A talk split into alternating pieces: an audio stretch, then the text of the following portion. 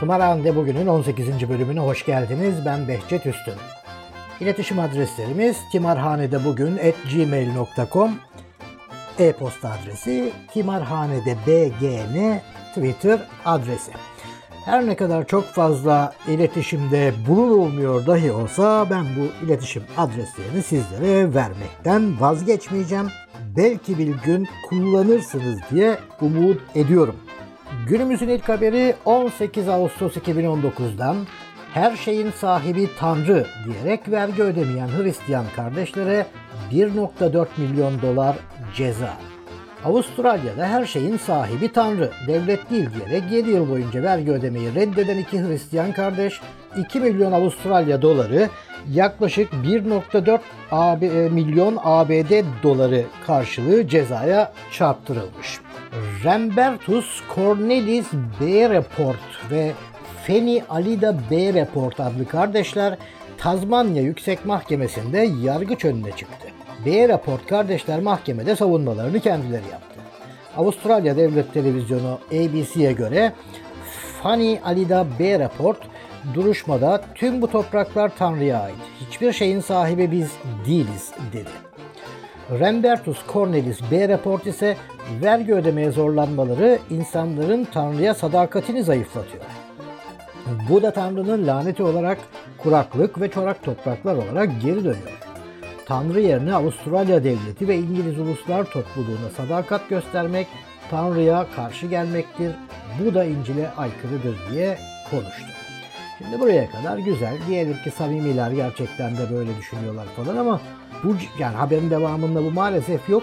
Şimdi bu verilen para cezasını ödeyebilecek mali güçleri var mı? Var ise o nereden geliyor? O para kime ait? Yani o da Tanrı'nın parası bizde emanet duruyor falan gibi bir laf ediyorlarsa halt ediyorlar.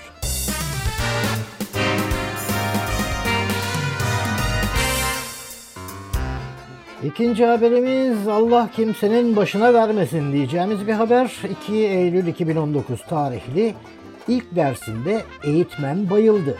Öğrenci uçağı tek başına indirdi. Batı Avustralya'nın Perth kentinde uçuş dersi alan bir kişi ilk dersinde eğitmenin fenalaşması üzerine uçağı kulenin talimatlarıyla güvenli bir şekilde indirmeyi başardı. Max Sylvester adlı öğrenci dersin başlamasından bir saat sonra pilotun fenalık geçirmesi üzerine kuleye imdat sinyali gönderdi. Sonradan yayınlanan konuşma kayıtlarına göre Sylvester kuleye pilot üzerime yığıldı, doğrultmaya çalışıyorum ama olmuyor dedi. Kuledeki görevli Sylvester'a daha önce hiç Cessna tipi uçak kullanıp kullanmadığını sordu. Kuleye bu ilk dersim diye yanıt veren Sylvester bir saat kadar havada kaldıktan sonra Jean Dakot Havaalanı'na uçağı indirmeyi başardı. 28 yaşındaki Sylvester'ın daha önce iki kez uçuş dersi aldığı fakat bu uçağa ilk kez bindiği ve hiç iniş denemesi yapmadığı belirtildi. E artık bundan sonra çocukcağızın ya da adamcağızın pilot belgesini de vermişlerdir. Kule talimatlarıyla indirebildiğine göre cep telefonu talimatlarıyla ya da elindeki bir kullanma kılavuzuyla da bu işi becerebilecektir nasıl olsa her halükarda.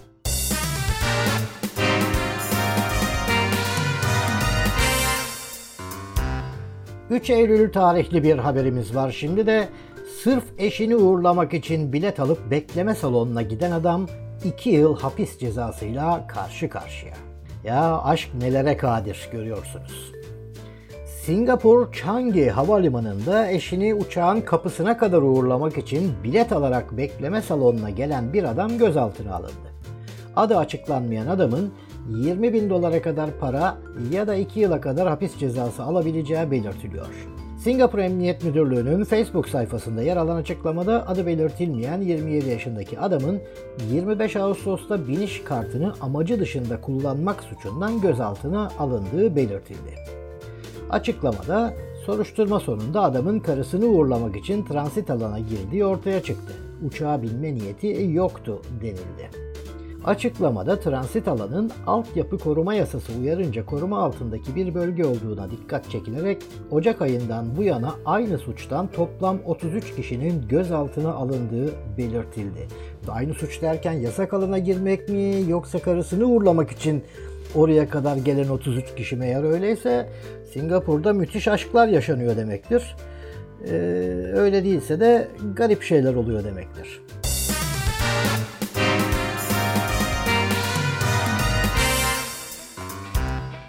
23 Ağustos tarihinden bir haber sahte jandarma.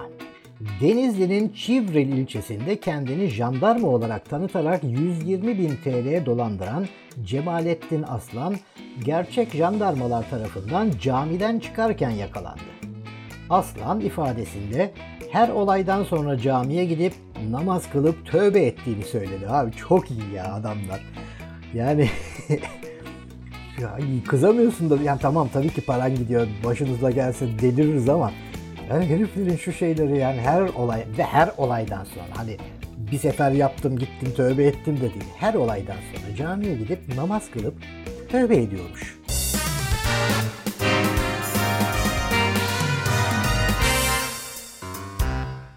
Ve bugünün son haberi 26 Ağustos tarihinden kaçmak isterken havalandırma penceresine sıkışıp yakalandı. Kayseri'de yaralama ve mazot hırsızlığı suçlarından hakkında 10 yıl 6 ay kesinleşmiş hapis cezası bulunan 37 yaşındaki Osman Y, polisten kaçmak isterken evinin tuvaletindeki küçük havalandırma penceresine sıkışmış halde yakalandı. Falan falan işte. sorun değil ama ya bölüm notlarına linkini koyacağım girip bakmanızı tavsiye ederim. Yani e, o sıkışmış haliyle, gerçi burada nasıl sıkıştığı anlaşılamıyor. Düzmece fotoğraf e, ta olabilir. Sadece kolu ve omzu orada ama arka tarafını göremediğimiz için bilemiyoruz tabii nereye nasıl sıkıştı. Yani tuvaletten çıkamadığı için, camdan çıkamadığı için sıkışmış olabilir. Geriye de gidemiyor tabii polisler evin içinde diye. Her neyse yani fotoğrafı görmeniz lazım. Ee, adamdaki bakış, surat ifadesi filan öyle bir melül bakıyor ki sanki dünyaya e, yakalanmak için gelmiş. Yani bu adam dünyaya hakikaten yakalanmak için gelmiş. Evet efendim bugünlük de bu kadar. E, Cuma günü inşallah yeterince haber birikir ve e, kaydı yapabilirim, yayını yapabilirim. Ama eğer ki yeterli haberimiz birikmezse bu sıralar haberler bu tip haberler biraz kesat. O zaman pazartesi gününde görüşeceğiz. Aksi takdirde cuma günü yine buradayım. Hoşçakalın.